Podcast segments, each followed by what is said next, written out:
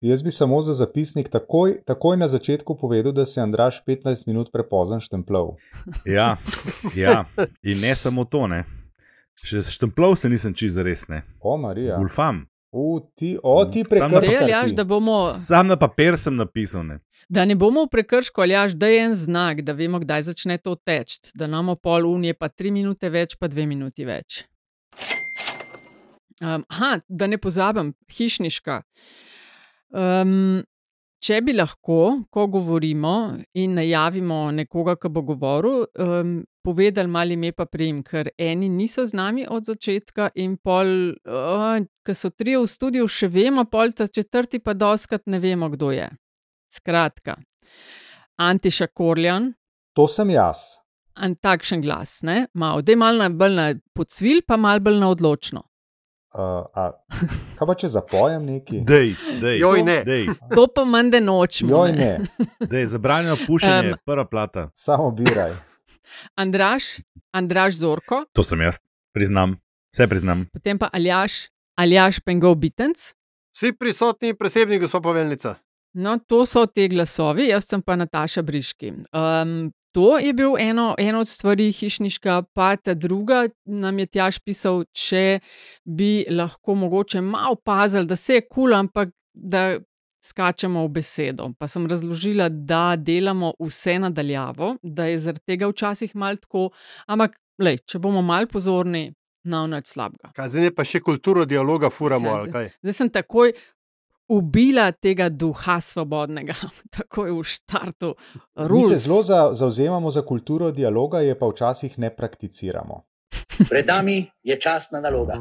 Meni je včasih nenavadno, kako novinci v politiki kar naenkrat postanejo sami sebi namen. Moja naloga in dolžnost je, da se oglašam ob takšnih situacijah. Mislim, lažje je držati za lopato, moram reči. Diskurs, ki ga slišimo danes, je šovinističen. Fantje igrajo monopoly z državnim premoženjem. To je LDGD, podcast, ki nikogar ne podcenjuje in ničesar ne jemlje preveč resno. V imenu svojih najbližjih in v božjem imenu vas pozivam na lov. To so vsi koraki v smeri večjega socializma. Poslušate LDGD, to je podcast, ki nikogar ne podcenjuje in ničesar ne jemlje preveč resno, še posebej ne politike. Kdo smo vaši gostitelji, zdaj veste. To je epizoda številka 141. Hvala za vaše odzive, hvala tudi za investicije v naše vsebine. In zelo, zelo obsežen seznam imamo tokrat aljaš za to, o čem želimo debatirati. Ja, to željo so eno, realnost je drugo, to ta vlada vsakeč znova iz tedna v teden ugotavlja.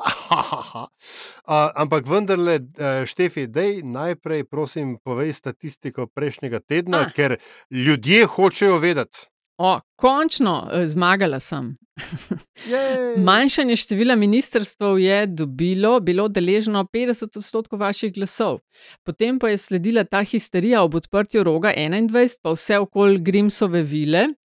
Je bilo pa 19 odstotkov, drugače proti Kaj, skupaj sva z Andražem? ali Zelo skupaj, ja, ampak na tretjem mestu je vse okoli Grimsove vile, proti reformacija okay. pa z desetimi odstotki na četrtem mestu. Ampak Spet, to je Andraž, spet je Andraž zvisel. ne. Spet ni izgubil. Ne? Ampak je više, kot je načrtoval o, v začetku sezone. Tako da v bistvu zmaguje. Uh, pet krogov, ja, smo do zdaj imeli, z šestega, katere smo nominirali, izveste čez pa od oka 30 minut, ne? proti koncu je bolj politbizarka. Uh, zdaj pa teme. Uh, zaradi kile imamo novega predsednika vlade. V narekovaju. Eh, Debatirali bomo o težavah v raju, padanje podpore vladi, ideje o rekonstrukcijah, vlade v senci, ki se sestavlja, pa pozivi k predčasnim, pa še kar odmeva tudi pričanje Tatjane Bobnar. Eh, Potem rečemo kakšno ali dve o delanju evidenc, namreč ni, eh, dragi moji, samo delovni čas tisti, ampak se je začelo resneje sestavljati tudi prve evroliste ali pa evidentirati prve evrokandidate in kandidatke. In te dni mineva eno leto od izvolitve predsednice države Nataše Pirc Musar. Pa imamo pa še po dodatne teme, mislim, ne vem, kam bo šlo vse, ampak večer in selitev v županove prostore, pa bitka Inštitut 8. marec, mesec. Tako da uh, jaz bi začela kar pri vrhu in sicer mnoge je, če se če dovolite, tole mesec PV, je ok. Tam bo verjetno kratka. To bo ali jaš ja. pojasnil, da, da to ni, ampak ja, okay. vse za to. za to. Mogoče samo, ker se o tem ni veliko govorilo, ne, kaj je kila. Kila ali hernija je izbočanje trebušnih struktur, ki se zaradi naravne šibkosti mišic trebušnega predela pogosteje pojavi pri moških in fantkih. Zvišan pritisk v trebušni votlini ob dvigovanju bremen, ustrajnem kašlju ali napenjanju med odvajanjem povzroči. Nehite. Povzroči razmik oslabelih mišic, skozi katere se izboči kila, zdaj pa pojavi se kot oteklina v različnih predeljih, lahko v trebuhu, na stegnu ali tudi v genitalijah. To, da vemo, o čem govorimo, premijer je v trenutku, ko smo objavili to epizodo na operaciji, zaradi tega, ker uh, mora biti v narkozi, mislim, ja, uh, neprisotnosti, je določil, da ga bo nadomeščal. Pred, kot, pod, uh, kot predsednik vlade, podpredsednik vlade, mesec. Ali ja, štimaš ene misli na to temo? Ja, najprej, seveda, um, premijev želimo čim prejšnje ukrevanje. Hkrati je, seveda, treba voščiti vesel dan oziroma teden ukleščene kite vsem, ki praznujemo. Jo. Starejši občani bodo vedeli, o čem govorimo. Če pa ne. E, se mi zdi prav, Aljaš, da to pojasniš. No, dej, ti, to... si, ti, ti si zelo pamtilo, tako da kar izvoli. Hvala. Ja. Izletel je na čistino. Eh, to je bila uh, res dobra anekdota, ko je bil Janez Janša prvič predsednik vlade, se pravi v mandatu 4-8. Uh, eh, je en pozno, popovdne, zgoden večer, takrat sem delal kot urednik centralne redakcije na Dnevniku. Prišla informacija, uradna informacija iz kabineta predsednika vlade, da je zadržan na operaciji, mislim, da je UKC Maribor, zaradi uh, ukleščene kite. Ja, no, tako no. In zdaj prva, prva pr, prva stvar, ki smo šli pogledat, a sta LPT, a sta LPT sosedi na tipkovnici in seveda nista, nista. Ja. L in T sosedi na tipkovnici. Tako da potem so se začele pa svinske interpretacije tega, ne, uh, tega e-maila oziroma sporočila iz kabineta predsednika vlade, ki je bil dosti hiter, eh, se pravi, sporočilo je bilo dosti hitro popravljeno, ampak uh, spomin, spomin, spomin je ostal pa kar precej živ. No? Tako, če ja. bom kdaj pisal knjigo, se bo mogoče uvrstilo vse skupaj. no, uh, štefi, štefi. Good to be true, res. Mislim, da je zadnji stavek v eh, definiciji kila po operaciji, ki bi mogoče tudi uh, lahko ne bilo narobe to. A to v genitalijah. Pri genitalijah. Ja. Ja. Čeprav, Štefi, v štovu noč boš dala tudi link, ki ti ga bom še poslal, ne? ker so A. se. Uh, na Radiu Slovenija so se priporočili, ob sedmih zvečer, uh, mislim, sedmi, so se, se jim je zareklo in je potem šla vsa stvar v maloro, v živo. Ne? Ja, ja, kita je bila, lej, um, kukar jaz vem, so sledili suspenzi. Ne? Tako da bilo je. Bilo je Ali je bil Vinkov, sled, kot direktor radia? Ej, ne vem, ne vem, ampak tako, skratka. No, Kukorkoli. Premijer je na operacijski mizi, medtem ko vi to verjetno poslušate, če ste med prvimi poslušalci, in um, ker um, dobri, dobri okus in um, resna situacija to veleva, je v času svoje odsotnosti uh, za predstavljanje vlade in uh, njeno poslovodenje pooblastil enega od, pod, od obeh podpredsednikov, oziroma podpredsednice podpredsednika, uh, Luko Mesca ki o tem smo že a, govorili, v bistvu malo čuden, da je še podpredsednik vlade, ker načeloma bi naj po tradiciji to bili pred, pač šefi koalicijskih strank in Luka Mesec to ni več. Ampak a, a, par ljudi, a, in to je tudi a, predmet, a, tema mojega zdaj že včerajšnjega blog posta, ne, če to objavljamo v petek, par ljudi je zajedelo sapo in steklo v zaklonišče, ker kaj hujšega kot to, da je Luka Mesec zdaj, zdaj premije, ker evo, jutri bomo vsi nacionalizirani. Uh, ne se sekirati, nič od, tjaki, nič od tega se ne bo zgodilo. To, da je premije pooblastil podpredsednika vlade za to, da ga predstavlja, je tako rekoč um, to so prazne marnje, ne? ker uh, podpredsednik vlade ali kjerkoli drug minister, ki ga premije po oblasti, mimo grede, nima nobenih ustavnih pooblastil, ne more nič uh, uh, zares narediti, razen tega, da um, pač pazi na to, da so vse luči pogasnjene na grebu. Pravi, hočeš reči hišniški posli, ne hišniški posli v bistvu. Ne morem povedati, lahko zdaj na dolgo in široko razlagam o, o nijansah ustavnega prava in politične kulture, ampak mislim, da za to vendarle nimamo časa. Dejansko pravnika v tebi že dolgo nismo slišali.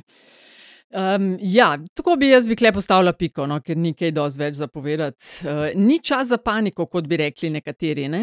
Lahko, lahko pridete iz zaklonišč, nič se ne bo zgodilo čez vikend. Saj ne, saj ne to pogledamo. Skratka, če prav razumem in če povzamem, najprej so ga zamenjali na čelu stranke, zdaj pa postal še tajnica na nas predsednika vlade. Mislim, glej, a veš, a, a, a, me, nekdanji, mislim, dolgo, že dolgo tega ameriški podpredsednik, ne, Cactus Jack Garner, je nekoč dejal, ne, da vice presidency isn't worth a bucket of warm piss. In za podpredsednika vlade v Sloveniji to velja točno to. To je nekaj, kar daš v podpis na e-mailu in to je vsa razlika. No, no, no pozabo si dodati, to je nekaj, kar pol ti ljudje dobijo uh, bodyguarda, skratka, da ja, se ve, kje je. Tako. No, uh, no, no, je tle nekaj treba dodati, če si že omenil uh, ZDA. Ne? Z dikčenjem se to malo spremenilo. Vse smo gledali film Wise. smo. No, Andraška, že pri besedi. Istočnica za našo drugo temo je seveda evidentiranje. Delovnega časa. Zdaj na Ministrstvu za delo eh, bomo od ponedeljka naj bi bilo, zdaj vemo, da je to mal predstavljeno, natančnejše evidentiranje delovnega časa, kar je zadnji teden razburilo kar dobršen del slovenske javnosti, poslovnežo in tako dalje. Na Ministrstvu za delo pravijo, da so spremembe namenjene, berem, izboljšanju varovanja delavcev in izhajajo iz dolgoletnih opozoril inšpektorata za delo. Doseči želijo upoštevanje delovnega časa, odmorov in počitkov, s čimer naj bi bila delavcev zagotovljena varnost in zdravje pri delu, ter možnost za regeneracijo. Um, kakšne misli so te obšle ob najavi? Evidentiranje delovnega časa kot dežurnega podjetnika med nami, se ne da nismo vsi to, ampak ajde. Ti si največji. Ja, zdaj, ne, jaz sem ta grdi, izkoriščevalski kapitalist. jaz se moram najprej kot predstavnik delodajalcev upravičiti, oziroma posipati s pepelom. Jaz, kot solastnik, en od solastnikov in en direktorjev uh, v našem podjetju, sem bil v svetu pripričan, da, da se to ne bo zgodilo. Uh, jaz sem se zavedal tega pred par dnevi, ko, ko je bilo kar naenkrat rečeno, da to 20. novembra stopi v veljavo, in seveda sem bil zgrožen. Uh, nam, odkrito rečeno, se je zdelo to tako surrealno, da Ben ni verjel, da bo to resne. Uh, potem pa kar naenkrat postala realnost. In če zdaj prav razumem, je to bilo že aprila v državnem zboru sprejeto in je potem bilo neko mm -hmm. polletno prehodno obdobje, ki smo ga vsi gladko ignorirali. Uh, meja kulpa in še od koga drugega nas tudi. Uh, mislim, jaz še ostajam pri tem, da je to polna uh, norost. Zakaj je norost? Jaz mislim, ne. Uh, naše podjetje, recimo, če govorim samo z naše perspektive, je odnegdaj gradilo na zaupanju znotraj podjetja. Mi nikoli nismo imeli delovnega časa od do, mi nikoli nismo imeli nekih pravil, uh, ki bi jih lahko kršili. Uh, in smo pač delali na tem, da si delamo za skupno dobro, za svoje dobro, vsak za sebe in si za vse, in nismo nikoli imeli težav s tem. Mi tudi nimamo težav s tem, da delamo od doma. Uh, tudi v ponedeljkih in petkih, tako kot recimo, imajo težave s tem, kakšnih večjih podjetjih. Jaz razumem, da obstajajo večji sistemi, kjer je to nujno potrebno in tam to imajo, torej tam to že imajo, ne, ne vem, zakaj bi tle zdaj kaj posegalo to.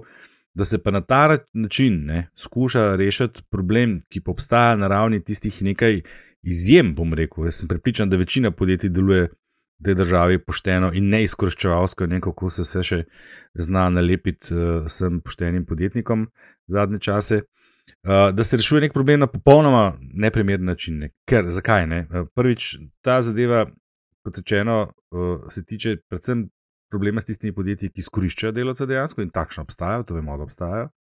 E, ta podjetja bodo, po mojem mnenju, če se do zdaj to počela, tudi tukaj našle, ne, nešle, našle nek obvod, obvoz, kako koli in bodo to še naprej počela. E, vsi ostali bi pa morali zdaj početi nekaj, česar noče nihče. In zdaj pa govorim tudi ne samo o imenu uh, delodajalca, govorim o imenu naših zaposlenih, ker so bili ravno tako zgroženi kot mi, češ, a zdaj bomo mogli pa še to delati. Ker z našega vidika gledano je to samo eno nepotrebno dodatno administrativno delo, ki nam ne bo koristilo. Uh, je malo nam bo čas, prenesla bomo dodatne stroške, služili bojo neki. Neki, neki, eh, ne vem kdo, ki prodaja že tečaje za pravilno vodenje evidence in aplikacije, in tako naprej. Uh, da je to popolna norost, očitno dojela tudi uh, vlada ali je njen del, ki se je zdaj pomaknil malo nazaj. Ne? Zdaj bo stvar seveda postala kmal bizarna, ko se tri dni pred uveljavitvijo zakona vlečejo si vsak mal po svoje. Kot berem danes, imamo četrtek, so se oglasili tudi sindikati.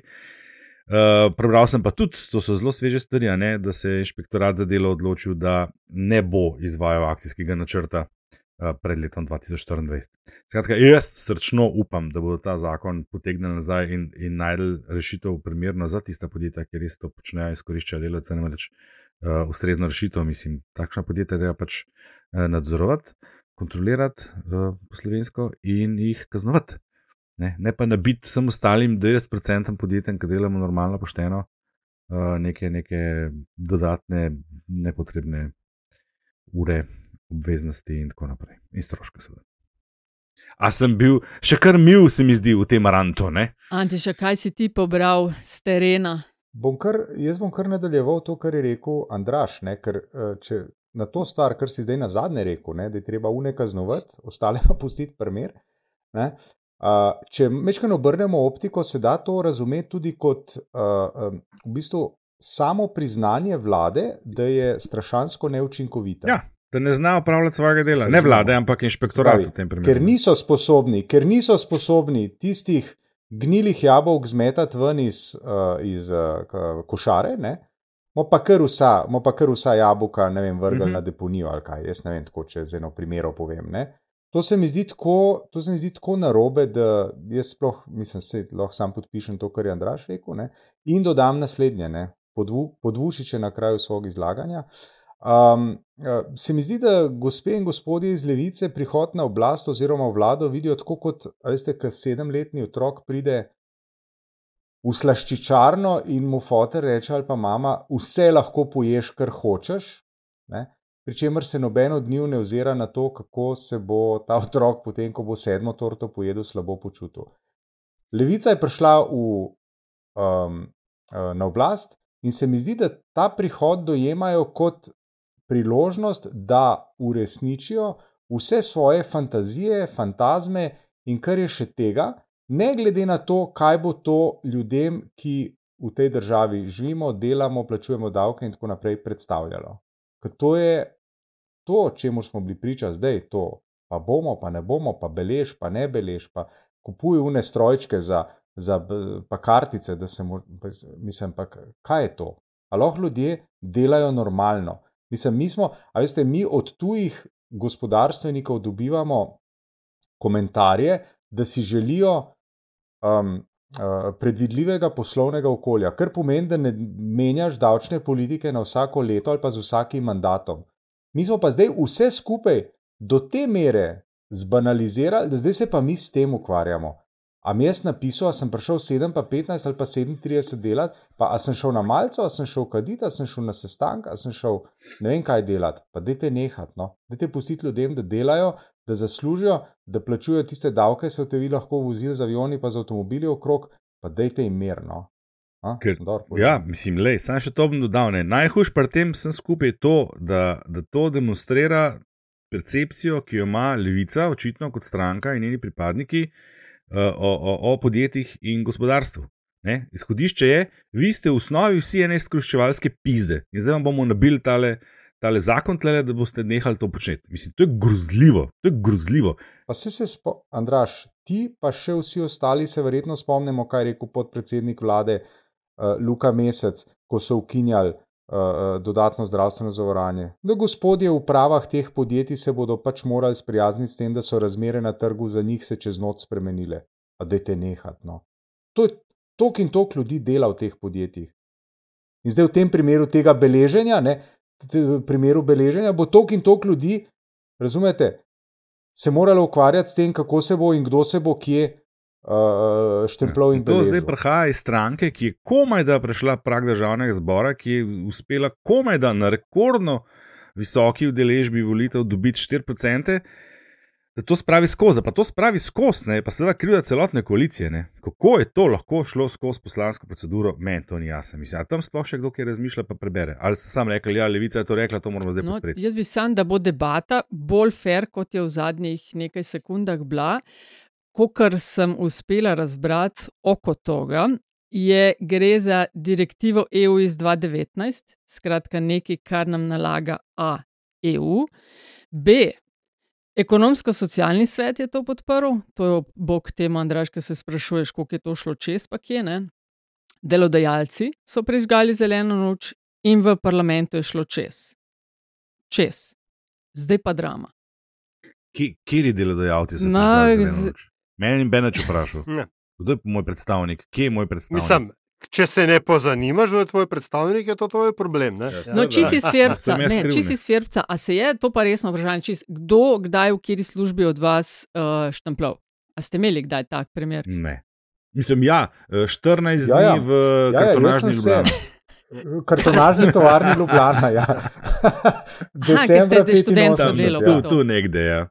Je študentsko? 85, Nataša, lepo te prosim. Pardon, dijaško, to je vse pod študentsko. Iz osnovne šole sva prišla tako rekoč.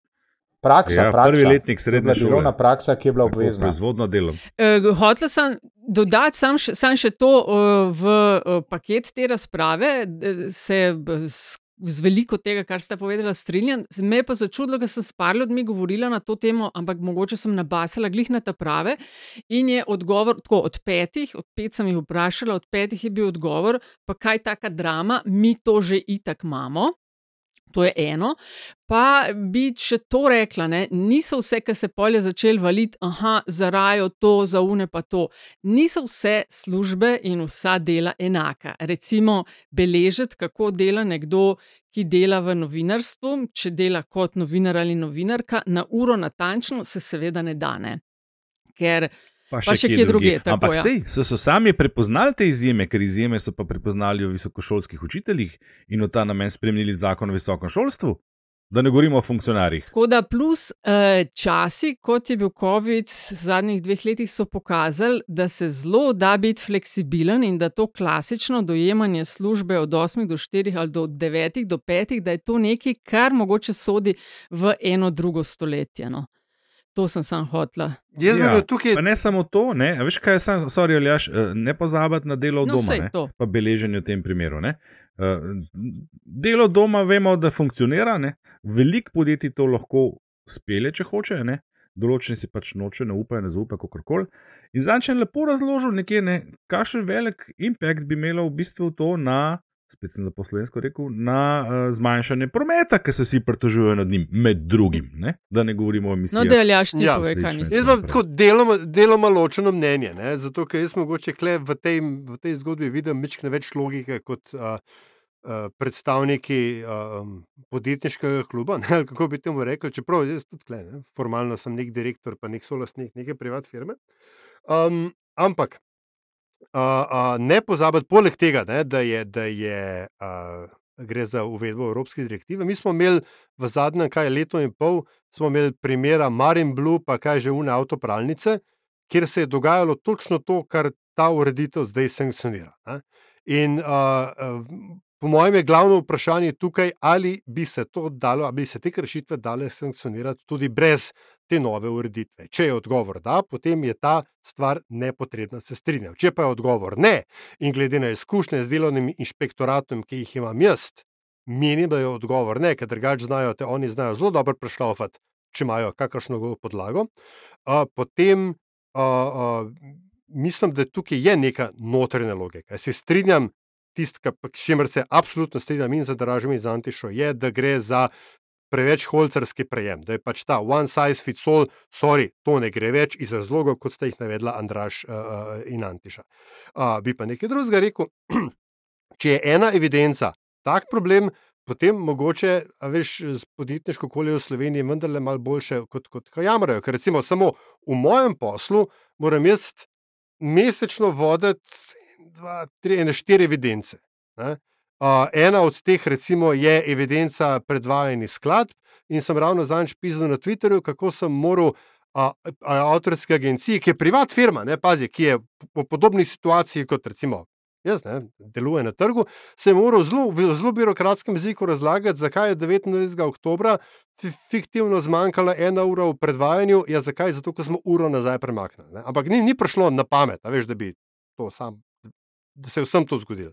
Ne, jaz sem moral razlagati, zakaj v evidenci, ki jo moram po zakonu jaz privat firmi poslati, zato da mi privat firma lahko izda račun, ki ga jaz moram plačati, zato da lahko glasbo predvajam. In moram jaz skrbeti za vse te evidence. Tako da z mojega vidika, ne, in, in vem, da vsi gledamo samo primarno z vlastnega vidika, zdaj pač še ena ekstra evidenca, ja, pizda, prav, a veš, whatever. Se bilo bolj, če ne bi, sem mislil, da bi krona pa tudi na vzglave padla. Recimo Evo, člani odbora na uh, državnega zbora za delo, ki so obravnavali poročilo Republikanskega inšpektorata za delo za lani, ne, so kot najbolj pereča vprašanja izpostavili povezana z delovnimi pogoji in inšpektoratom in so bili recimo v SD zaskrbljeni zaradi nadaljevanja izkoriščanja delavcev v gradbeništvu. Tukaj bi nekaj rekla, prispevke, ima mogoče tri četrt prispevkih medijskih, ki so obravnavali to um, drobljenje delovnega in evidentiranje delovnega časa, je bilo en kup enih gradbincev, ki so se zelo pritožvali. I wonder why. To je, uh, no, SD skratka, zaskrbljena zaradi izkoriščanja delavcev, v SDS jih pa skrbi preobremenjenost inšpektorjev za delo. Lej, super. No, kukorkoli, skratka, ampak zdaj itek bottom line je, da se je to kaj maj odlaga, oziroma ministr za podjetništvo uh, je rekel, da bodo uh, mogoče že v torek to nehali izvajati, ne v ponedeljek stvar začne vrlati, v torek pa pridejo že spremembe, skratka, živi bili pa videli. Ne? Tako da, ja, ok, demo klepiko, uh, velik zaenkrat drame, mogoče še ne bo začel se to zares izvajati. Vsekakor pa inšpektori, kot je bilo slišati, ne bodo že v ponedeljek nikamor šli. Uh, sorry, ampak še nekaj, je pa treba nekaj, pa, pa treba pohvaliti. A, a, mogoče ne, mi nismo tega dosti natančno brali, obstajajo pa ljudje v tej državi, ki so to natančno brali in obstajajo že spletne rešitve, folk se je pravi, business case obstajajo. Ja, to je Andraš Aveno. Ja, ja, Vse ti pravim, mi smo že, že imamo tam aplikacijo, imate brezplačno, izvolite do aprila, pa vse te pa naročili, smo že dobili povabilo na izobraževanje. Ajde, Leo. Ne, ampak, če se pa vrnemo malo na, na ta naš nivo, ne, se pravi, uh, komentiranja politike, resno ali bolj neresno, uh, me je to še presenetilo. To, kar je prej Nataša rekla, šlo je skozi vse te organe, kar je presenetljivo, ne, da se lahko nekaj tasga zgodi. Pa da potem še le vsi v luft skočimo, jaz sem se pa tudi uvodoma že s pepelom tako posipal. Ampak kako bo zdaj to izpadlo? Vse, vse kar, kar gre na robe, ne vse je kriva vlada, seveda. In če to vemo, da se vlada že od začetka enači z Gibanjem Svobode in na koncu z Robertom Golobom. Ne? Zdaj, včeraj je strčil ven Han ne? in je rekel: U, tale zakon je pa zgleda neživljenjski, da bomo mi to malo popravili. Uh, in na koncu bo kako to zgledalo. Uh, kriva je vlada oziroma Golob, ne? Han je rešitev, ne? tiske pa vse skrb za kuhu, pa tam le nekje prestrani lepo. Tihe ne gumbke, zdaj le pritiske, ki jih imaš. Han, Han zelo spretno krmari, ni za ston, on in na ja, levi, ja, in na desni. Zelo. On bo zasluge pobral, ne? on bo zasluge pobral, ne? mesecu pa ništa, ne pa levici. Ne? A veste, v tej državi, če se spomnite, pred enimi 20 leti, smo imeli eno kratko obdobje nalepke, ja, ja, ja, ja. ki si jo moral imeti na uh, vetrobranskem steklu, ki so pričale ne vem o čem. Da si avto registriral. Tehnični narejen. Neki tako. Teh, da si ne registracijo. Neki ja, tako. Ja. Ne? Skratka, skratka neki, neki je to še dodatno potrjeval, ker prometno dovoljenje ni bilo dovolj. Ja, neki, ja, ja, ja. In ta stvar je šla tako v, v zgodovino, se mi zdi, kot zgled politične stupidnosti, slash priložnosti, da je nekdo zelo dobro zaslužil. Mm. Jaz sploh ne dvomim, da je tukaj le nekaj mm. podobnega. Mm -hmm. Če bi res hotel piko potegniti, jaz mislim, da ključen problem je tle, je ta, uh, uh, to, je ta egalitarni princip. Ne. Ja, ja, one size fits all. Ja. V isti ja. koš. Ne. Vsi, ja, tako, vsi ste krivi za vse, zdaj bomo pa vse, vsem tole nabil, pa čau. Ja, tako, tako. To, veš, ta način razmišljanja tiskaj tle najbolj skrbi, predvsem skupaj, ker jaz verjamem, da da, da, da za kakšne primere to res eh, edina možnost. Po mojem, princip, se ne zmotam, pa... če rečem, da imamo zakone za vse živo, ampak problem je bolj izvajanje, pa nadzor nad izvajanjem zakonov pri nas. Pridemo pa tukaj do SDS-ovega pointa, a imamo mi dosti inšpektorjev in, in uh, znanja in resursov. Ja, nimamo, če imamo vidko državo. Zdaj se pa vprašamo, kdo ja, je vidko ja, ja, državo ja, gradil. Ja, a ne, a ne. Prav. Ali jaš ja, imaš ja. prav, ker le za visokošolske profesore so najdel rešitev in so spremenili en člen tam nekje v, v ja. za, zakonu o visokem šolstvu, in oni bili tle izjema. Ja, ja, ja. Mislim, se, zakaj pa ne, konec koncev, uh, se, kot visokošolski profesor je podobno delo kot v novinarstvu. Ne, ne, zakaj, ne. zakaj pa samo oni? Ne, ja, ja, gotovo je še kakšni. No, jaz nisem šel natančno gledati, ne, ampak to bojo, te število izjem bojo gotovo mogli povečati. Oziroma, je sploh za res berasto, ker je delo ja, leta 2023 tako res zelo drugačno. So no, pa sej. panoge, kjer jih moraš, ja. kjer izkoriščajo In... ljudi, kjer, morajo, kjer malce je v eni ja, ja, roki sendvič, drugi pa lopa. Deva se zmeniti, ali je to večina podjetij ali manjšina. Ja, seveda ni. To mogoče celo to samo smo... posamezni primeri. Ja, seveda ni, to smo veš, že zmenili. Zdaj pa bomo imeli pravim. zakon ne, in bomo imeli 195 tisoč izjem, namaz, da bi se lotili na drugi strani in najdel učinkovit način, kako preganjati tiste, ki res to počnejo. Veš, kaj, veš, kaj bi bilo pa jeba, ne? če bi se pa izkazali, da tudi v nominalno uredu podjetjih ljudje točijo neplačane, neplačane nadure. To bi, pa, to bi bilo pa kar narodno. In mislim, da je klep, poanta je, da mi v resnici ne vemo, koliko je tega. Ampak, gledaj, fora je v tem, zdaj imamo invazijo Hana, ne, tam je fulo všeč, invazija Hana, uh, ki bo to rešil. Ne. Han ja, lej, uh, povedal je, Han, res... solo. Han solo. Han je šel ja, solo. Se, ja, ampak je povedal za res, lej, mogoče smo pa iztrčali, sicer ne vem, zakaj je sploh prišlo do faze tako daleč, ampak vse. Uh, Pejmo še na drugo evro evidentiranje. Namreč v zadnjih dneh, tednih so začele stranke malo resneje uh, govoriti na glas o evropskih volitvah. Za nosilca SLS so postavili SLS, to je tista stranka, ki jo je NSI. Nekaj misel ti je prišlo čez, ne? Tisti, ja, ne, ki se je pač nasmejal. E, SLS, za tiste, ki ste se nam šele pred kratkim pridružili, to je bila nekoč resna stranka. Ja. No, NSI jih je na lestvici na volitvah. Ja. Ja, NSI jih je novačil, da bi šli v neko skupno kandidaturo, so se odločili ne in za nosilca postavili nekdanjega direktorja programskega ali vodjo programskega sveta na RTV, profesorja Gregorčiča. Uh, bo pa tudi Bogovič, ki je bil sicer dvakrat izvoljen s preferenčnimi v okviru SLS in sicer enkrat na skupni listi z NSI, enkrat za SDS, tako da spet gre na referije preferenčne. Zdaj pa NSI naj bi sicer natančen seznam objavil v začetku leta, ampak v igri so Novak, Cigler, Kralj in Vrtovec. Eh, drugačna odločitev Novak o novični kandidaturi še čakajo, je pa to ni rekel. Um, zelo pomenljiva izjava. Citiram: Znani so ji vsi parametri, tudi kako naj bi se lista sestavljala. Če bo to za njo sprejemljivo, je na njej dobrodošla, če ne, razumem njeno odločitev. Pomeni, da je prva navne. Shots fired, shots ja. fired. Ja. Eh, potem pa mislim, da je, ja, seveda, Vesna je in stranka Vesna imela tiskovno konferenco v četrtek, eh, so rekli, da grejo v proces, Logareva platforma sodelujemo, da ne gre na eurovolitve. Kar je novost okrog tega, je pa še, da bodo sicer to za nas pete evropske volitve in namesto osem bomo imeli ponoven devet poslancev. Zdaj pa, kakšne misli imamo okrog eurovolitev, ker se špekulira tudi, ne vem, glede predsednika NSI, da naj bi šel. Uh -huh. To je ena, SDS uh, naj bi šla z Zverom in Tomc klasično naprej, niso sicer o tem še zelo na glas. Uh, svoboda tudi menda z Grošelj in Jovevo. V SD-ju pa vem, da je bil med Brglezom in Nemcem majčkan borbe, kdo bi bil na prvem mestu. Ja. Kaj uh, imamo misli okrog evro evidentiranja? A se nam to, seveda, med 6 in 9 junijem prihodnje leto so volitve, tako da je še debelega pol leta do takrat. Udeležba bo verjetno uh, tradicionalno nizka, Pri nas imamo nizko, ja, mislim, da je tam okrog 30 odstotkov. Ja. Ena najnižjih v Evropi.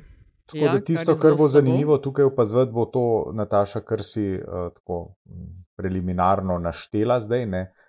Tole mhm. prerivanje okrog uh, kandidatnih list, to so, kot vemo, uh, dobre službe, ne? za katere se po eni strani uh, bijajo bitke, da se za nje ljudje kvalificirajo, po drugi strani pa, ne, se vemo, ne, se ljudi v te službe tudi umika. Bruselj je uh mhm. -huh. prikladno odlagališče kadrov, ki bi morda v Sloveniji znali komu, kako se reče, pomešati kakšne račune ali nekaj. Ena taka fraza je. Ne? Skratka, mislim, da je vendarle še prezgodaj, kaj bo SLS s Petrom Gregorčičem, ki je nedvomno uh, elokventen, uh, govornik, zna razmišljati, zna svoje misli tudi v besedi. Ne? Kaj bo SLS, ki je ni lih klinično mrtva stranka, ne? ampak daleč od tega, kar je nekoč ta stranka predstavljala v tej državi. Kaj bodo s tem dosegli, bomo videli. Ne? Je pa on, on ni slaba izbira. To, a se mi zdaj strinjamo z njegovimi manevri na, na, na RTV-ju ali ne, sam se globoko ne strinjam ne? In to preziram, ampak da pa mož zna delati politiko, o tem pa ni nobenega dvoma. Tako da to bo zanimivo opazovati. Jaz bi se nadaljeval, ja, če sorry, smem. Kar, kar, kar, izvolite. izvolite, izvolite, gospod, tako, tako lepo, ja. lepo ja. stočnico je dal. Andraž, mislim, da te evropske volitve da bodo, oziroma da že nekateri razumejo, da so uh, prva resnejša priložnost za preštevanje uh, glasov, kje smo, kdo smo in kaj, nam, kaj si lahko obetamo od državno-zborske volitve, da to ne bodo čisto običajne evropske volitve. Ne samo zato, ker en poslanc več in se samo po sebi ponuja Eh, ta priložnost, da pride nekdo not, ki se ne bi mogel. Ampak to je dejansko po volitvah in po referendumih tak, prvo tako uradno preštevanje, čeprav vemo, da se teh volitev delžuje več desno-sučnih kot levo-sučnih voljivcev. In tle mislim, da mnogo katere stranke vidijo svoje priložnosti in mislim, da je tudi to razlog, zaradi česar je SLS dala, SLS dala uh, uh, košarco NSU. SLS, če ga mečkano opazujemo, je ena uh, od parlament, ne, izven parlamentarnih strank, ki po mojem mnenju edina uh, razpolaga z ustreznimi kapacitetami, viri, kako koli že, uh, da se vrne v parlament nekoč, čeprav je že kar nekaj časa zunaj. Uh, če jih bomo večkrat tako lepo podrobno gledali, vzela ne, uh, zmenjava predsednika z tem nekim rednim oglašanjem starega predsednika. Karkoli si o tem mislimo, in smo si že povedali, zanj, kaj si o tem mislimo. Ne? In s to najavljeno kandidaturo in odločitvijo, da grejo sami na volitve, mislim, da kaže zelo resne ambicije potem, da, da se znova potrdijo, uh, afirmirajo, lepše rečeno, na tem političnem trgu. In verjetno podobno velja tudi za ostale stranke, ki, ki niso uspele prijeti v parlament. Tako da, po mojem, bomo imeli mi letos, oziroma drugo leto, kar veliko kandidatnih list. Če in kako pa to vpliva na deležbo, je pa drugo vprašanje. Ne. Je pa nekaj res, ne. zdaj smo spet v neki fazi, kot sem zanj komentiral, jaz temu rečem politična kriza. Padec zaupanja v vse institucije, padec zaupanja v vlado, praktično vse institucije političnega sistema. Jaz mislim, da gre za krizo 15-letnega taktičnega glasovanja in rezultatov letega za proti Janši. In to je definitivno čas in uh, področje, oziroma priložnost za stranke, ki so izven parlamenta trenutno. Ali jaš ti si želel nekaj povedati, no, da gremo pol na malco. Ja. Hoče se te tukaj dopolniti. SLS šteje kot parlamentarna stranka. Ravno iz naslova tega, da ima poslanca v Evropskem ja, parlamentu. Ja, okay. Ne, ne, ne ja, ja, se, to je pomembno. Ja. Ker, ker je, je pomembno za soočanje na RTV v času državno-zborskih volitev. Mhm. Tako, in, in, in evropskih. Ker ima, zaradi, ker ima zaradi tega uh, boljšo štartno pozicijo. Ne? In seveda mene um, ta Bogovičeva izvolitev na, s preferenčnimi glasovi na skupni listi SDS in SLS je uh, bila ma, za marsikoga presenečenje, primarno za SDS, ne? ker so na ta način ostali brez tretjega planiranega uh, mesta v Evropskem parlamentu. In zdaj, seveda, ne, sad se ja pitam, ali ni ta manever z Gregorčičem ne, v resnici malo tako mm, plan B za SDS, ker če se slučajno zgodi, da je Gregorčič uh, kot nosilc liste izvoljen v, v uh, parlament Evropski, a ni to potem bolj SDS pod B, kot je bil Franz Bogovič, ne, ki je v bistvu neke vrste podtaknjen, da tako rečem. Um, in je, veš, mogoče. To gledam z nekaj bolj zarotniškega vidika, ne, češ, dajmo, če že bojo kaj naredili, ne dajmo imeti saj ne pošljemo noter nekoga, ki bo SDS-u bolj všečen kot je Franz Bogovič, ki, to je treba reči, ne. Že dva mandata, bolj kot ne, razmišlja z vlastno glavo in je z, med vsemi EPP poslanci uh, spada zelo bolj proti centru, on je ta klasičen EPP/SLS. Um, tako da to, ne. druga stvar, ki se mi zdi pa. Uh, dosti zanimiva je pa ja, ravno to, kar je Nataša rekla, kdo bo um, splaval na vrh v tem prerivanju med Brglazom in Nemcem. Uh, Matjaž Nemec je seveda um, SDS do, uh, sorry, pardon. Fro, Freudovski lapsus. Mila kita. Ja, ne, je, on je pač SD skozi skozi, kot se temu reče. Um, tako rekoč v Zibelku mu je bilo to položeno. Um, Brgles je um, pritekel tja, potem ko so ga vrgli ven, ne, zelo um, svobodovsko so ga vrgli iz SMC-ja po volitvah 2018, ampak um, ima pa več kilometrine in več uh, vi, pač visokostatusnih položajev kot, kot Nemec. Ne. Tako da uh, ne, ne pozabite, seveda, ker imamo princip zadrge, ne morete biti prvi in drugi, ne. mora biti nekdo vmes. In tudi ta vmes je za SD zelo pomemben, pomembna v tem primeru, ker ne, morda se jim pa vendarle tokrat bogovi uh, proporcionalnega sistema nasmehnejo. Je pa zanimiv ta njun dvoboj, ne? ker pred uh, štirimi pa pol leti se je tudi, a ni um, tega Nemca, tako rekoč projiciralo, pa je Brgles presenetil s preferenčnimi. Ne? Ja, ja, ja. ja, ja. Tako da na ta način bo drugače naslednjega pol leta kar precej EU obarvanga. Naj spomnim, da bomo maja praznovali oziroma obeleževali 20 let članstva v EU. Mm. Joj, a lahko samo še nekaj dodam. En, en, en kratek nasvet NSI-ju, ki ga seveda ne vem, če ga bodo slišali, še manj upoštevali. Ampak, če hočete vi vaš osnovni strukturni problem rešiti, potem mora Matej Tonin biti na vrhu, pač voditi kandidatno listo. Ker kle, kle je ta problem, ki ga imate vi za temi sedmimi odstotki plafona. Torej, Tako, jaz bi pa klele zdaj kar uh, nas pozvala, da gremo na malco, zaradi tega, da me na te pol tožil, da vam ne, ne dam dihati. Um, inšpektorat, ima kdo odvajal inšpek, številko od inšpektorata? Dej ti tisti žig, ali kaj se da štempel, ker noben ja. ne ve, kako je slišati, ker se noben ni štempljal, razen una 52 let nazaj. 50. Prav. Ja, no, ajde 40. Dej povej, če gremo malo stran od politike, ajde, dej povejte malo, kaj ste gledali zadnje tedne ali pa kaj fajn prebrali. Zdaj je čas za malce, to je to. Ja, je to že zadnjih 30. Preden gremo, veš na to, ne, upadanje. Na malce se op opravlja, ne pa te neke intelektualne. No, pa dej, ne pa eh. neke Ja, pa intelektualne. čaršija, ne? Čaršija je pol, ne? Ja, sej, sej. No, mislim, nisem hotela direkt reči, ker me non-stop obtožujete, da hočem samo to. Pa nič ni drugače. Ja, se res tega. hočeš. Ljudem nič ne damo. Ja, ne Uh, vem. Ja, Aj. kaj pa trenutek za sponzorje, pa to? A že imamo še enega novega sponzorja? Ja, fulih imamo, dokler bomo tako govorili, sončki, kot govorimo. Ne? Zdaj bodo te, te firme, ki evidence vodijo, bodo pretekle, vsaka dala 200 evrov na mesec, pa njih pet bo. Veš. Ja, no, jaz vam lahko rečem, pa vem, da nobenega ne zanima, no, da gobe še vedno so. Um, to jaz lahko povem, vas to nič ne zanima, Ljubljana.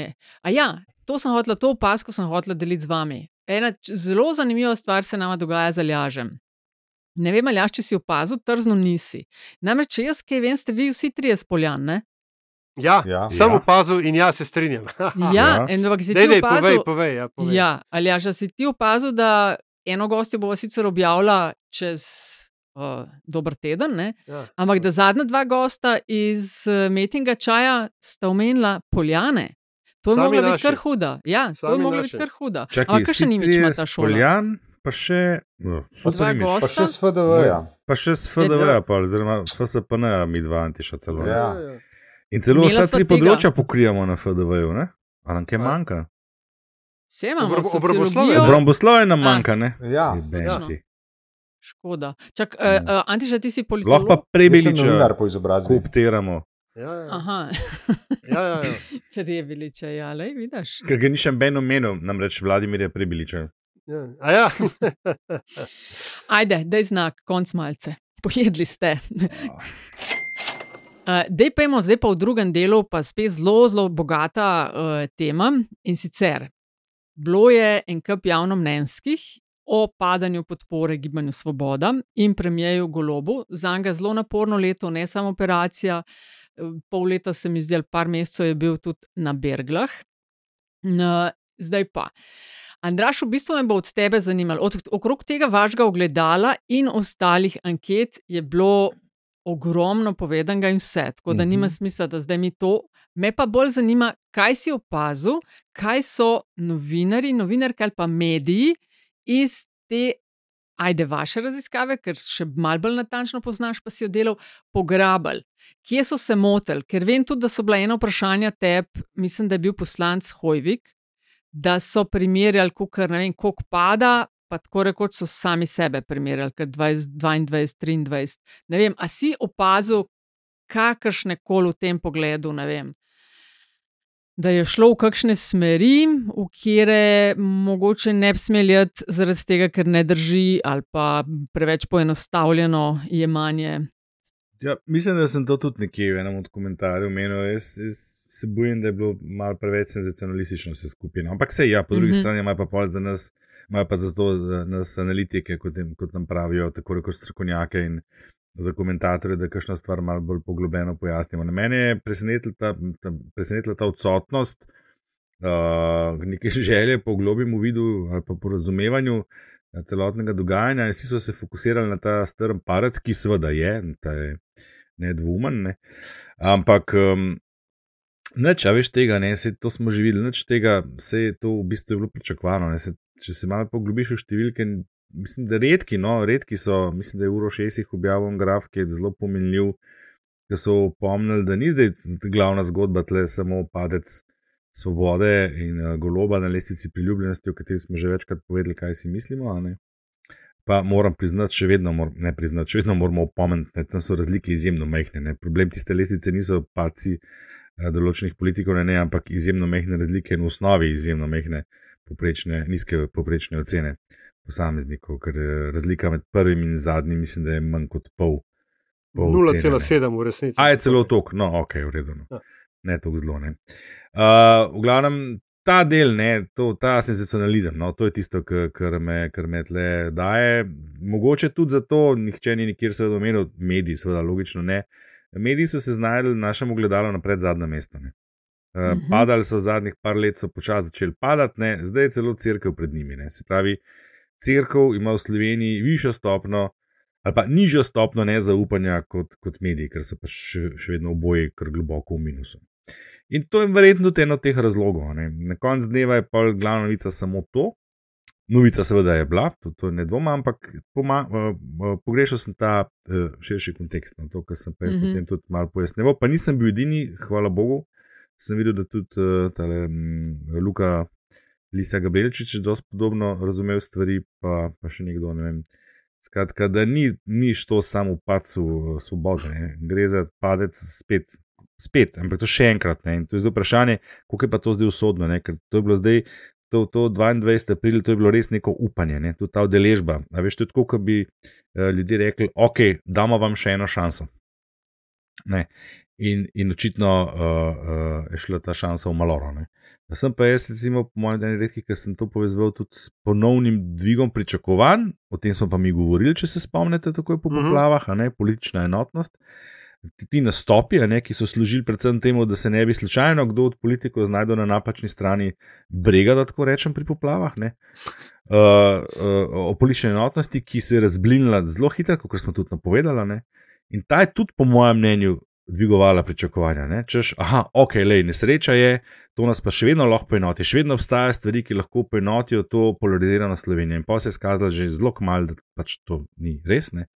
In je zaradi tega razočaranje še toliko hujše. Zdaj, ravno to je pa, po mojem, bila glavna informacija. Ne? Padec zaupanja, padec ne samo svobode, še kakšne druge stranke in odhod voljivcev med neopredeljene. To je pa teren, po mojem mnenju, za prihod novih stranka, pa zdaj ne govorim o strankah novih obrazov, kot so bili golob, cerar, šarc in podobno. Eh, drugega med njimi bomo še enkrat omenili, na te verjeli v kakšnem kontekstu. Uh, ampak za stranke, ne, ki bi lahko zdaj le začeli graditi na tem, ok, ne, mi smo pa tukaj zato, da presežemo polarizacijo, pa to seveda ni logar za svojim zborom bivših, trenutno brezdelnih politikov. Uh, Ampak, uh, kaj, kar nam mogoče tudi ne bo všeč. Ne? In kot sem za en medij izjavil dva dni nazaj, ne? Ja, jaz mislim, ne, da, je, da je bil recimo Maren Šarec prototip tega, kar bi se zdaj le znalo sesti. Ta hibrid med enim in drugimi, ne? ideološkimi, mi bomo zdaj ne bomo levi, desni, ne, ne, ne dobesedno, ampak on je dejansko predstavljal ta hibrid. Uh, uh, podpornik partizanov z, močnim uh, katoliškim backgroundom. Ne? Jaz mislim, da je Marjan Šarac preprosto pet let preprosto iztrčal. Danes bi imel veliko več sreče, če bi Ne se zdaj lepo. Ne laži, koliko ti je žal, žgal si ga tri leta zapored. Ja, se je prehiter prišel, pa sam drek naredil, ne? Zakaj? Ja. Zato ne. Ja. Antiša, Neučakan je bil, neučakan. Ne? V luči teh številk se seveda išče rešitve. Zdaj na vladni strani vmes se je pol zgodila tale uh, afera Dars, pa vemo, da še vedno odmeva to pričanje Bobnar in uh, zdaj so tudi mal diskreditacije Bobnar, oziroma kaj je, pa ni miselna, pa je rekla. Opozicija navija en del za predčasne volitve, nekateri za novo vladno koalicijo. Imamo tudi, to bomo, vem, da imaš rezervirano za polit bizarko, da je tudi gerontološki krožek prišel na dan s predlogi. Ne veš, ali se zdaj načrtno delajo no, norca, ali, ali se niso več zmožni kontrolirati, ali so bili na cvičku, ali na koki, ali na ekstaziju, ko so ti pisali. Uh, kako pa ti uh, te, to iskanje rešitev, kako spretno se ti zdi? In z ene in z druge strani, se pravi, koalicija, tukaj mislim bolj gibanje Svoboda in opozicija. Po mojem je ključen problem, da vsa ta iskanja, ne, ki smo jim priča, s časno izjemo moje, moje bizarke, ne, ki jo bom kasneje predlagal, uh, mislim, da imajo nas ključno pomankljivost in to je, da se vse vrtijo v obstoječem modelu. Mi smo priča obstoječemu modelu, na eni strani imamo Jane za Janžo, na drugi strani se nam obeta, bomo natič. Uh, dobivali nov, nov obraz, ki bo pa, ta bo pa res zrihtov, ta pa ne, ta pa, t, zdaj pa bo, zdaj pa bo. Skratka, tisto, kar jaz mislim, da, um, da tukaj potrebujemo, je skok iz tega kroga, v katerem smo zaciklani vsi. Zanč, mislim, da je Andraš rekel, da v bistvu ne ve, kako bi se to stvar dal rešiti. Ne? Ker pri firmi imaš ti tako, ne? ti firmo v bistvu lahko jo zapreš, spraviš v stečaj, vse odpustiš, pa pa če imaš neko idejo, pa nek, nek, neko ambicijo, pa neko perspektivo, potem ti del teh ljudi pokličeš nazaj, pa z njimi začneš novo zgodbo. Pri državi je to mečkan teži, ne? kaj boš naredil? Boš razpustil državo, boš postal protektorat kakšne sosedne države ali kaj podobnega. Skratka, tisto, kar, tisto, kar jaz mislim, da je, pa ne me vprašati za rešitev, ker je nimam, ne? ampak tisto, za čemer moramo, po mojem, začeti oprezati, je nov model. Ki je kakšen, nimam pojma, ampak zato so tukaj politiki. Model, A, model ja. ki ga spremljamo zadnjih 30 let, se je očitno izpel, iztrošil, in znotraj njega ne bomo doživeli nobenega na, uh, preboja oziroma koraka naprej. Vprašanje Antiše je tle, a so politiki, a so Kaj še še politiki hotel? Aljaž, Ne, kaj si hotel sem sam, ja, eh, hotel sem sam eh, pač eh, tukaj referencirati ne, na našega zvestega poslušalca, ki že vrsto let zagovarja razpis za okupatorja. Ne. A, ja, no. Eh, Tako da, ja. Andraš, ti si, ti si hotel kaj reči? Ne, to sem sam to točnico še podaljšati. Ne. Ti si rekel, a veš, zato so tu politiki. Moje vprašanje je, a so tu še res politiki za to? Jaz mislim, da je ravno v tem problem, da politikov ni več. Zanj ste vi omenjali, ne, da ne more biti kar vsak politik. Kje so pa ljudje, ki so se šolali za to? Ne? Dejansko jih je Mhm. vedno manj, a ne? in uh, to je ta nevarnost, ki jo jaz vidim. Zato menjam, da je tle zdaj to priložnost, pa to mu zdaj dal v narekovaje priložnost, ne? da se pojavijo neki, uh, neki, neki liki tipa uh, Pepe Grillo, ali kaj je bil ta v Italiji, ki je, ki je A prišel na veš, teren. da-. Na, na, na, na, na teren razpada političnega sistema italijanskega takrat. Ne, ne bom zdaj rekel, da je tako, ampak veš, na nek način je pa podoben. Pač to je bilo ja, več desetletij, ampak po drugi strani imamo pa tle samo 30 let parlamentarne demokracije, ne in gre mogoče stvari malo hitreje. In tle polovico od tega obdobja samostojnosti imamo mi opravka s taktičnimi volitvami, z izbiro za Janša, če nisi za, boš pa pač za Janša, boš pa nekaj drugega volil, sam da ni Janša. In kakorkoli so bili ti poskusi, en za drugim neuspešni, še vedno, kot je rekel Antiša. A boš ti pristal na to, pol, da bo vse Janša, ne vsem bo šel spet, pa boš upal, da bo nekaj drugačne. Jaz, problem, ki ga jaz le vidim, mogoče pri voljivcih samih. Ne, zdaj, zdaj, če se že tako vedemo, če, ste, še- če ste se že odločili, da Janša ne in da boste podprli karkoli drugega, pa tudi če nastane tri mesece pred volitvami, samo da Janša ne, pa dajte pa za božjo voljo ustrajati za nekaj časa. Ker v tistem trenutku, ko pa ti obupaš, ne, prehmalu in, in, in brez rekel, nekih resnejših argumentov, uh, si pa tudi ti odgovoren za tako situacijo, kakršna je. No, to. Zdaj, mi smo imeli mogoče uh, dve, dve misli. Prvič, uh, Antiša, ne, nov model. Ne moreš novega modela pričakovati od ljudi, ki so plačeni znotraj starega modela. To ne gre. to, to vemo.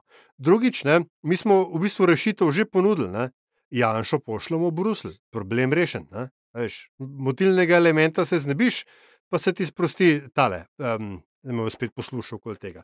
A, tretjič, a, kaj pa če je to to? Kaj pa če je to štih, ki ga imamo v roki in so pač to karte, s katerimi je treba odigrati? Veš, če boš ti vsakeč znova uh, uh, hotel, da se karte premešajo, potem vidno rečeš, ne, še enkrat, ne, še enkrat, ne, še enkrat. Se tudi kartati ne moreš. Sej ne veš, kako se ti bo na koncu šlo, ne, če nadaljujem to tarokersko, tarokersko temo. Oziroma, primero, lej, mogoče se ti pa poserijo, pa imaš na koncu pa ga tultimo, ne, ne mislijo, da ga boš lahko naredil. It has been known to happen. Vsi igrate tarok? Sam to. Nisem videl, že fuldo, res fuldo. Ja, zelo slabo, ne, zelo okay. slabo, tako da ne, da ne bi kdo imel kakšnih idej. Zdaj, čakaj, ti naš malo štemplej, gremo na čik pauzo, da nekaj povem. Ja. Dej štemplej, sam, sam, sam še to, čakaj, ja, okay, sorry, predno, predno štemplamo. Ja. Sam še to, a, fantazije o predčasnih volitvah in novih koalicijah pa v tej situaciji so zgolj to fantazije. Ker to mislim, da je pa podvučeno z moje strani po vseh teh anketah in, in javnomnenjskih in lestvicah, fundamentalno se kaj zelo ni spremenilo. Nič.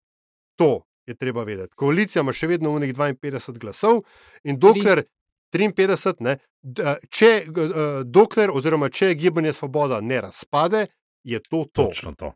To sem tudi jaz podaril v komentarjih, pa sem spet sem jaz in Ben redkih, niso javno mnenjske raziskave, ni medijana tiste, ki določa, kdo je vlada in kdo ni, čeprav se mogoče malo trudijo v tej smeri. No, go. Večina v parlamentu je tista, ki utemeljuje to vlado in ta je na tanko ista, kot je bila leto in pol nazaj. A gremo lahko zdaj, prosim, ne enčik, jaz imam pravico kot. Ne, ne, ne, hitro. Ja, lahko štemplaš, dej štempljaj, prosim. Okay, na čik. Ker se nanaša, ker se nanaša na to, kar si rekel, glede glede ja. tega, koliko izobraženosti ljudi, ki vodijo državo. Ne. Ko se pogovarjaš z ljudmi, ki so spremljali politiko, recimo za Antišo, ki je mal bliže bil eh, z ekipo DZ, ki je bila v 90-ih, pa to, kar je danes, bojo vsi rekli, da je kakovost definitivno padla.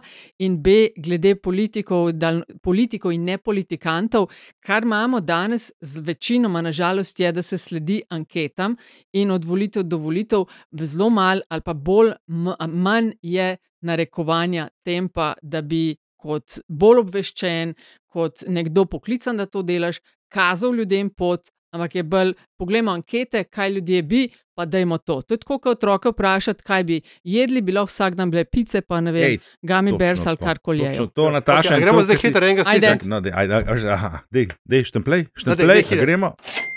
Ok, zdaj pa me poti na čik po anekdoto, ki si omenila ta rok, ne pa da smo agirali. Na zadnje sem igral ta rok, no. enih 30 let nazaj. Mislim, da je bil en tak fin poleten uh, večer, ki se je prevesil v noč in na to še v jutro, in poh, bog si ga vedi, mislim, da celo do povdne. In pa sem pristal tam na enem, enem baru na plaži in sem igral ta rok skoncentriran, kot sem lahko bil, in uh, sem imel karte za berača in sem vrgel pogumno tistega berača. In šlo mi je tako dobro, da se mi je smejal, se mi je do všes, razumeš, unijo krok meni so blazno resno, zgleda sem trzno, ni pa noben. Do trenutka, ki mi je postalo jasno, zakaj noben ga tako zelo noč ne skrbi ta moj vrhunski berač, ne? ker seveda sta mi na koncu dve karti v roki ostali. In uh, od takrat naprej ne, nisem več tako pogumen pri tej igri. Ta, to sem hotel na čihu povedati, zdaj pa ja. pojmo nazaj ne, v debato. Ja. Ne, čakaj, čakaj, da je to anekdota. Skrat do konca, hotel sem samo to reči, da veš, kaj prej Štefi rekla, ne gor, v, delo, v, v okviru delovnega časa, kako gre vsaka, genera, vsaka kratni nabor politikov slabši. Ne veš, to nam je zdaj že vem, leta 98, kaj sem jaz na faksu razlagal, da je glavni problem ne, slovenskega demokratičnega standarda to, da je na unih volitvah a, bilo dve tretjini parlamenta na novo izvoljenega, ne, in, ali polovica, ali kako že. In kera stranka je, zmag, je pač bila presenečena tistih volitev? Ne, SLS. Tako, takrat ne, so začele stvari jeti k vragu. Ne. Do takrat je bila elita, kao, ne, se je vedel. Ampak v resnici, veš, po mojem, gre samo za to, da so se do tam leta 96 so bile velike teme, takrat se je država postavila, ne? takrat si ti osnovne zakone sprejemali. Zdaj pa pač sprejemaš da veš. Uh, Do 2-4, ne pozabiti še priključevanje in OECD. Pa in EU Okay, pa NATO, ja. šteje, šteje. a- Ampak, ampak, ti, ampak tiste je bilo, tiste je bila domača naloga, ti smo vedeli, kaj je treba narediti. Klej smo pa, veš, v temi taval, ne, oziroma smo raz, se razmišljali. Zdaj pa pač sprejemaš, a veš, novelo spremembe zakona, o spremembah zakona o, ne vem, delovnem času, če smo že. No, tem. mislim, če bi kdo hotel, bi se lahko lotil vseh teh zakonov, ki jih je milijarde, 1599 tisoč preveč, ne, kot jih imamo. To, je, to, je tudi, to, so tudi popul, to so tudi populizmi. a Veš, ker, ko, evo, gledi, povej mi, koliko zakonov upra, a, a, s- se dotika tvojega delovnega področja? 100 milijonov, po mojem. Ja, pa ne, ne, a veš. Tukaj se Kako ne? najmanjega štefi, pač imamo zakon o medijih. A ja, misliš, tako, da bi imeli zakon o izvajalcih javnomestnih raziskav, no tega hvala Bogu ni. Ne, ne, ne, ne, ne, ne, ne, ho, ne hočem reči, da veš, ko v, v okviru svojega, svojega dela imaš ti zgolj omejen nabor zakonov. Ampak, Mislim, a veš, a- a- hoče, a- eh, a- vedno. Predpisov in tega sranja je tako velikne, tako velikne. Vse smo se enkrat pogovarjali, kaj vse smo mogli mi narediti, da smo enega človeka zaposlili, ki je prišel iz Makedonije. Mislim, grozljivo. Ja, pa to, glej, Dajte v glavnem, eh, Jaz bi se je rad navezal na. Natašo, no, da se vrnemo na temo. Nataša, ki sem prej vprašala glede medijev. Eh, Absolutno dober point. smo čakali, smo že nazaj. Ja, je Antiša skadil? štemplej, štemplej, smo že not, smo že Okej. not. Antiša, si? Si vprašala, Ja, jaz sem tukaj, no, jaz seveda tukaj. Dajte nehati. Ja. Ja. Ja. To je čik, je No. bil dlje kot malca. No, dej, odštejemo dve minuti. V glavnem, a veš, eh, v ZDA ne, eh, merijo že odnegdaj uh, approval predsednikom ne, uh, tekom mandata. Ne. A, a, a je tam kdaj komu kaj na pamet padlo, tudi ko pridejo v full dno, da bi rekel, a je ta, a je ta predsednik zdaj politično trupla, a bom zdaj odstopil ali ne vem kaj. Ne, ne, zato ker je popolnoma jasno, da on je dobil večino na volitvah in če se ne bo zgodil kaj zelo drastičnega, ne, v našem primeru pa pride upoštev tudi recimo razpad parlamenta oziroma kakšne stranke, je to pač tako. Ne. To, ne, da pri nas vsakič. No, tam je predsedniški, Vem, pri nas pa parlamentarni nas, a sistem. veš, ampak drugačen. dokler je pri nas ne, večina v parlamentu takšna, kot je bila leto in pol nazaj, ne, v- odkje je pol smisel po vprašanjih, a je vlada politično truplo, a nas čakajo predčasne volitve. Kaj je to? To je senzacionalizem na eni strani, na okay. drugi strani je pa to, po mojem mnenju, indikativno, ker od tam, odkuder prihajajo ta vprašanja, tam je treba iskati razloge, odkje se vodijo vsi ti napadi na vlado zadnje čase, pa ne da, da si ne zasluži ultimativne nad kritike. ne. ure, nad minute točeš in jaz nimam denarja, da te Ja. nehaj. Ja, no. Um, gremo še na zadnjo temo. A Antiša še ni res- konca, ali kaj? Ja, veš kaj, le mogoče bi se posebej spodobal Porkadijo. Eno leto mineva od izvolitve prve predsednice, Okay, to je res. Nataše Pirc Musar, in kako, po čem Antiša si boš zapomnil to prvo leto, recimo. Kaj bi bile neke glavne alineje, glavni poudarki po tvojem mnenju? Um, po mojem trdnem prepričanju je Nataša Pirc Musar um, v bistvu naredila relativno malo napak v, kako se reče, obnašanju svoje funkcije. Pa še tiste, ki jih je naredila, se jih da, po mojem, pripisati v prvi vrsti, um, da moramo reči, neizkušenosti, vendarle v vrhunski, res vrhunski politiki. Ona je bila tako neke vrste politiki, je bila, ne, seveda, ko je bila pooblaščenka za dostop do informacij, ali kako informacijska pooblaščenka. Ne. Ampak ta vrhunska politika je pa tudi za njo nek nov, nov, uh, nov teren. In na tem terenu jaz moram reči, no, da je naredila relativno malo napak. Zdaj, le, če bi mi kdo rekel, spomnim se iz glave, jih niti ne bi najdel. Ne. Tisto, kar je bilo, je, kot sem rekel, ne, to je bila ta izjava recimo, o zgledni urejenosti položaja manjšine v Avstriji, pa potem tisti, ki vendarle mislim, da je bil lapsus glede domovine uh, zamejskih slovencev. Ne. Pa potem tista zadeva z zahvalo za sodelovanje aktivistki v svojem posvetovalnem odboru, in tako naprej. Sicer pa kakšnih večjih, pa se mi zdi, da ni bilo. Ne vem, kaj mislite, vi trije. Um, Andraš, tvoje mnenje? Uh, meni se zdi, da je ona izpolnila vsaj eno obljubo in to je, da ne bo tiho. Uh, drugo obljubo, da bo tu pa tam, kdaj ste šla, kakšno šalo, malo manj. Uh, od stvari, ki si jih smo jih zapomnili v smislu ne, nekih spodrsljajev, je Antiša naštel, mislim, da glavne tri. Jaz bi tu morda dodal še, uh, kot smo reči, umešavanje ali pa v ljubljanske notranje zadeve v zvezi s kanalom C- C0 ali CO, ali kaj je, pa še en, mislim, da bil še en tak primer. Ja. Tako da uh, jaz bom rekel, da imamo, po mojem mnenju, predsednico, ki si v večji meri zasluži ta naziv, kot je to veljalo za prejšnjega predsednika, sploh v njegovem drugem mandatu. To se ne na zadnje vidi tudi potem, da no, kljub temu, da tudi tej instituciji pada zaupanje, ampak mislim, da je tle bolj žrtev tega splošnega paca zaupanja v politiko nasploh, uh, še vedno više, kot je bilo uh, v zadnjih izdihljajih mandata Boruta Pahorja. Mhm, no, ti ali jaš? Uh, pač, kar se um, učnih let, ne, Nataša Pircmusar na tej funkciji tiče, sta že kolega pred mano vse povedala. Uh, mislim pa, da je vendarle bi kazalo tudi izpostaviti uh, sposobnost sodelovanja, vsaj Sej, jaz verjamem, da so prestižna prerivanja še vedno tudi zdaj prisotna, ker se mi zdi, da to pride nekako skupaj s terenom. Ampak ne, vmes je na, začet, na začetku njenega mandata bila tudi ta kampanja za članstvo v varnostnem svetu OZN, kjer sta ona in zunanja ministrica Tanja Fajon, vsaj tak je zunanji vtis, zgledno sodelovali, ne, krili ena drugi hrbci, pomagali in m, pri tem uspešno uh, dosegli cilj, seveda skupaj z celotnim diplomatskim aparatom. Ampak že to, da je, bila, da je bil novi vrh slovenske politike v tem primeru sposoben streljati, skupaj streljati na isti gol in se pri tem ne spotikati, je osvežujoče in mislim, da je pač eh, vse hvale vredno. Uh, Je pa seveda res, da je pač vedno prostor za izboljšave, in uh, bomo videli, kaj bodo nadaljna štiri, vsaj nadaljna štiri leta prinesla. Mm. Uh, moji poudarki bi pa bili uh, vse to, kar ste rekli, zelo aktivna zunanje politično. Ne vem, če je bil prejšnji predsednik tako zelo.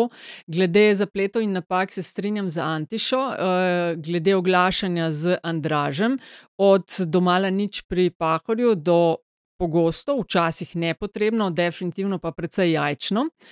Uh, opazno tudi iz večjih razlogov, začelo se je pa z zaposlitvijo Bobnar, da odnosi s premijejem uh, niso čist najboljši. Mm, se mi ne zdi, da po njeni krivdi, ali pa mogoče tudi, eh, v vsakem primeru, pa ni to tudi nič tako zelo posebnega, ker se mi zdi, da skozi zadnjih 30 let, da je bilo na relacijah med premijeji in predsedniki vedno, ali pa kar pogosto, malo hude krvi ali pa prerivanja, kdo bo kje imel govor, pa ne bo imel govor. Ena stvar, ki pa me je, zdaj pa zelo pamtilo, ne, um, negativno presenetila. Mi smo se z njo pogovarjali v specialki januarja.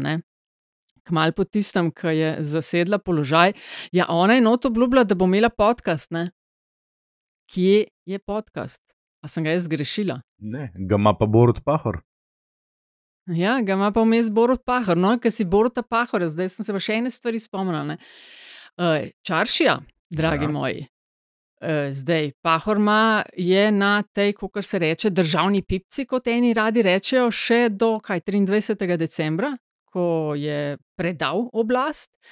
Pol gre na svoje in bo delal to, kar dela že zadnje leto. Ne? Zdaj ima knjigo zunaj, če ste opazili, politika, politični priročnik neke vrste, pa razne govorniške posle, pa vemo za njegove influencerske zgodbe, hamburger je že prodajal, mogoče bo še kaj sledilo. Skratka, Čaršija pravi, da bo čez štiri leta za predsednika spet kandidiral. Uf, predsednika česa? Ja, republike vendar. Slovenije. No, to, Seveda to vemo, lahko, no, to, Slovenije. ne, ne pa ne more, to glej, demo. No. Ne more. Dobro, da imamo enega politologa v ekipi. Zakaj ne? Omejeni smo na dva mandata za redom. Ne, ne, ne, ne, ne. Ta, del, ta, del smo že, ta, ta del smo že davno absolvirali, tudi ko se je Da bi govorilo Kučan bil še enkrat. ponovno- Aha, ne, ne. No, no, pojasni, pojasni. da Ja, ja, Trgovski glej, pojasni, glej, roko, da, eh, pač dva, da, lahko, lahko kandidira dvakrat zaporedoma. Sprejeta interpretacija je, da to pomeni največ dva mandata. Pika. Pika. Ne? Tudi vprašanje je že en mandat, pauza, pa še en mandat. Že to bi bilo Kaj vprašanje. pa če ustavo spremenijo? hm, Ja, no, redo. No, ampak lej, lej, za- zato dam pa, ro- zato dam pa roko v ogenj, uh, obrvi odrezati. Ja, ja, lej, oh, to- sem se pa to že lahko- veselila. Sorry, na to pol. pa lahko kar pozabiš. Mislim, Mm. blagor nam, ki imamo Pengovskega. ne. Včeraj je cel Twitter skoraj res. v štartu zaradi eh, tega, ker ne bi bil Luka Mesec novi premijer, ne. pa je Pengovski v letu pa je zelo hitro pojasnil. In zdaj le spet, ne, mislim, mi imamo res srečo. Ne. Mi imamo res srečo. Spet pa toliko excitementa je bilo. Ja. Ja, ja, ja v redu. No, redu. v glavnem, eh, predsednica na podcast še čakamo. Eh, Pa nas to pripelje zdaj pa res k koncu, polit bizarka. polit bizarka tedna oziroma zadnjih dveh tednov. Jaz sem zmagala. Tako pravilo imamo, ne? ker sem pritiska prejšnjič zmagala. Lahko prvi pove. Bom pa zelo hitro zmagala, sem z manjšanje števila ministrstv napovedano uh, in bom nadaljevala v tej smeri. Namreč, ko se je razplantela zgodba o manjšanju iz 20 na 17 na 12 na 7, se je z velikim pompom ta koalicijski vrh najavljal in kaj vse bo. No, skratka, zelo. Eh, tresla se je gora, rodila pa se je ne rekonstrukcija vlade. Po tistem, ko je premijer to omenjal kot eh, nekaj, kar moramo narediti, je iz tega vrha prišlo, no, to je skrajna opcija, imamo mi prej še ene druge stvari v rokavu. Tako da ta uh, strašno napihovanje, kaj vse bo, pa potem ni bilo nič, uh, to je moja polit bizarka. Kdo je imel histerijo ob odprtju roga? Joj, Andraš. Jo, a sem bil drugi ali kaj? Andraš. Drugi si bil, ja. Sem, sem Izvoli. Sem, sem imel narobe s temi bizarkami. Ampak ne, je pa res, da se pa zelo trudijo, da so bizarke tako dobre, da enostavno človek ne more imeti slabe bizarke. To je pa tudi res. ne. Tik pred snemanjem, tik pred snemanjem, tako rekoč, eno uro pa pol do dve, uh, sem prebral um, uh, zapis uh, v mediju na ena, da ne, je KPK izdala opomin sedmim ministrom, dva od tega sta že bivša, zdaj ne, a ta KPK dela prepočasno, ministri odstopajo prehiter. Glede neporočanja omejitev poslovanja, eh, ki so ga dolžni poročati uh, um, po enem členu nekega zakona. Ne. Aha, po, po ja, evo, šesti, da so kršili šesti odstavek 35. člena zakona o integriteti in preprečevanju korupcije.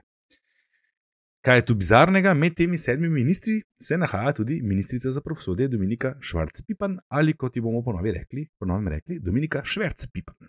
To je moja bizarka. Ok, um, Antiša. Ja, Peter Jambrek, Dimitri Rupel, Ernest Petrič in Tomaž Zalaznik, štirje gospodje so imenu nečesa, kar si je na delo ime Katedrala Svobode, predstavili svoj predlog krizne in reformne vlade, ne, ki bi imela devet članov po njihovem predlogu. In sicer so uh, oni vidijo na mestu predsednika vlade bodi si Janeza Janšo, bodi si Milana Kučana, bodi si Anžeta Logarja ali morda Boruta Pahorja, ki bi se o tem, kdo bo skočil na premijejsko mesto, dogovorili med seboj. Ne? Če pa to jim ne bi uspelo, bi se pa o tem žrebalo. Zdaj pa jaz tukaj ne vem, ne? ali je to zdaj neko trolanje in če je zdaj kdo koga trola, koga ali kaj trola. Ne, ampak na tako inovativno idejo o urejevanju državnih poslov, pa se mi zdi, da tudi Toarš Edvard Kardel v svojih najboljših časih ni prišel. Ne. Zato, ker gospodje, dragi moji preimenovani, predsednika vlade se tukaj vendarle voli na volitvah in še to posredno, kaj ne aljaš. A, ja, seveda. Ne, in zdaj, mogoče je bilo včasih kaj drugače, ampak se mi zdi, da ti partijski časi so vendarle že malce pase. Ne. Je pa po drugi strani res, da smo v zadnjih nekaj vlad po svoje zadeli na loteriji, ne vedoč čisto, kaj smo dobili, tako da njihov predlog, njihov predlog vendarle privzema uh, naravno stanje stvari v tej državi. Najbolj me pa pri vsej stvari zabava naslednje. Ne. Katera starleta bi prevzela vlogo, kot se temu včasih reklo, loto djevojke? Ne? Se pravi, kje bi zdaj mi to loto djevojko lahko gledali, ki bo žrebala, kdo bo naš predsednik vlade? Si vi to Je, jaz, jaz predstavljate? točno vem, kdo bi to bila. ne. Dej, da slišim. Ja, Eva Igel, valjda. A Re, jaz sem na, Jo, Tino- jaz sem ja, sem- Tino u, Gaber, bravo, jaz sem na bravo, Tino bravo. Gaber pomislil. Recimo, Ja, ne, sem Eva Ne, Irgl, ima izkušnje, ne, in ona pogledno. to dela tudi. je bila loto djevojka ona? V štartu Ja, je, ja, ja, ja. ma- a je bila, res. Je bila, je bila. No, se se. Ja, ja. V glavnem, ona to počne na, No, skratka, na SDS Andraž, če mi ne. pustiš, da dokončam, ne? Ja, hvala. Okej, ne. Uh, štirje modreci predlagajo, da se žreba predsednika vlade. Ta se mi zdi tako bizarna, da se zahvaljujem za njihov predlog in poslušalstvu za njihov glas. V bistvu žrebci. A, Žrebci, ja, tako rekoč. Mogoče so, pa, mogoče so pa sam cinični, ne? kot si sam rekel, Antiša. Ne? Kaj pa je to drugega, kar imamo zadnjih 15 let, ki že rebanje ne? Loto, ne? Ja. Do koga trolajo?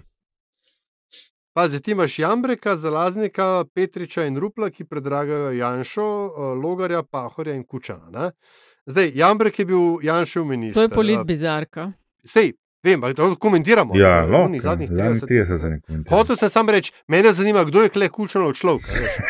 In Zdaj, kukar, kukar, koli to gleda, pride do tega, da je rupel. ne, a veš. Ja, ja, ja. Anyway. Anyway, moja, moja bizarka je pa, je pa črno mostogradnja. Zdaj, v resnici ne vem, če je šlo za črno gradnjo, ampak vse kaže na to. ne. Um, lokalni odbor SDS-a s Črnene Kroškem je uh, zgradil, kaj v dveh dneh so zgradili most čez reko Mežo. Uh, kar uh, in taka delovna akcija, ki, na katero bi bile celo pač mladinske delovne brigade iz 70-ih let ponosne, ali kdaj to 60-ih, 70-ih bi bile ponosne. Vsi so se prišli tja slikati, od uh, ljubljenega vodje do fanta od Heidi Klum. Uh, vsi so šraufali, vozili, polagali, dile, stebre, tako dalje. Kle en sam problem, ne? tako kot ga jaz vidim. Oni so mal zabetonirali levi in, bresni, levi in desni breg reke Meže, ta struga popoplavno ni bila, še ni bila urejena, oni so zdaj kar en most čez položili, pa bo kar bo. Ne? Zdaj, jaz ne vem, ali je to ta um, hitrost ne, popoplavne obnove, ki smo si jo želeli, ali bo ob naslednji povodni un sosed 200 metrov stran dubu odplavljen most skozi okno v dnevno sobo. To, moja bizarka. Evo. Ti si, ti si resno, okay. resno si se me lotil v tej moji tekmi, da bom imel najslabšo bizarko, da bom vedno zadnji. Resno si se me lotil. Mislim, da je ta oddana res. Da je, katedra- katedralci, žrebci so, mislim, da kar Zmagovalci. Ne? bojo pokorili si konkurenco. Definitely. Uh, ajde, zadnjih 30, kaj imamo, Antiša. A spet je, ali Zakaj je on vedno Pa prvi no, v pa- zadnjih 30? Ajde, Ja, Andraš, Ne, kar ne bo, kar ajde, ne bo, kar Andraž. ne bo. To mu nisem prepustil do konca. Ja, jaz se bom pa, jaz se bom pa mečkan vrnil na začetek te epizode, pa bom spomnil na nesmrtnega Franeta Milčinskega Ježka, ki on je pa res že zdavnaj vedel vse. Ne? In posebej rad je imel človeško neumnost, ne? iz katere se je neskončno rad norčeval. In te neumnosti je pa, če zdaj parafraziramo pa njegovega očeta, ki je napisal pa Butalce, ne? te neumnosti v naših krajih kar ne primankuje, kar dobro uspeva. Ne? In jaz bi rad naslednje Ješkove besede posvetil gospem in gospodom v vladi, v prvi vrsti, ne, seveda mojstrom iz levice. Tako je rekel Ježek, pa da imamo zdaj en klavir, pengovski, da je klavir, pa luči ugasen. Dej. Štir šibe božje treba je poznati, kobilce kuga, strela in birokrati. A bolj kot kuga in strela naenkrat greni življenje, tak nam birokrat. In potem je Ježek nadaljeval v refrenu. Sej človek bi skočil iz kože, pa ne more, za ta postopek fiziološke ni opore. Zato ostanimo v koži, sej bo loži žvet, ko zadnji birokrat odšel na un bo svet. Kdor se bo najdel, se bo najdel. Dober, Andraš, najce, ajde. Joj, jaz sem pa gledal en krasen film, zdaj le poteka festival eh, Life, a ne. Uh, in uh, ker sem pač v takem življenjskem obdobju, da ne hodim v kino, to obdobje traja sicer že ne 25 let, se bojim. Um, sem si prvoščil en film, ki je bil na tem festivalu pet let nazaj, namreč na Voju, tu imajo eno manjšo zbirkico filmov in sicer gre za film Woman at War, islandski film iz leta 1000, uh, 2018, v bistvu islandsko-ukrajinsko-francoska produkcija.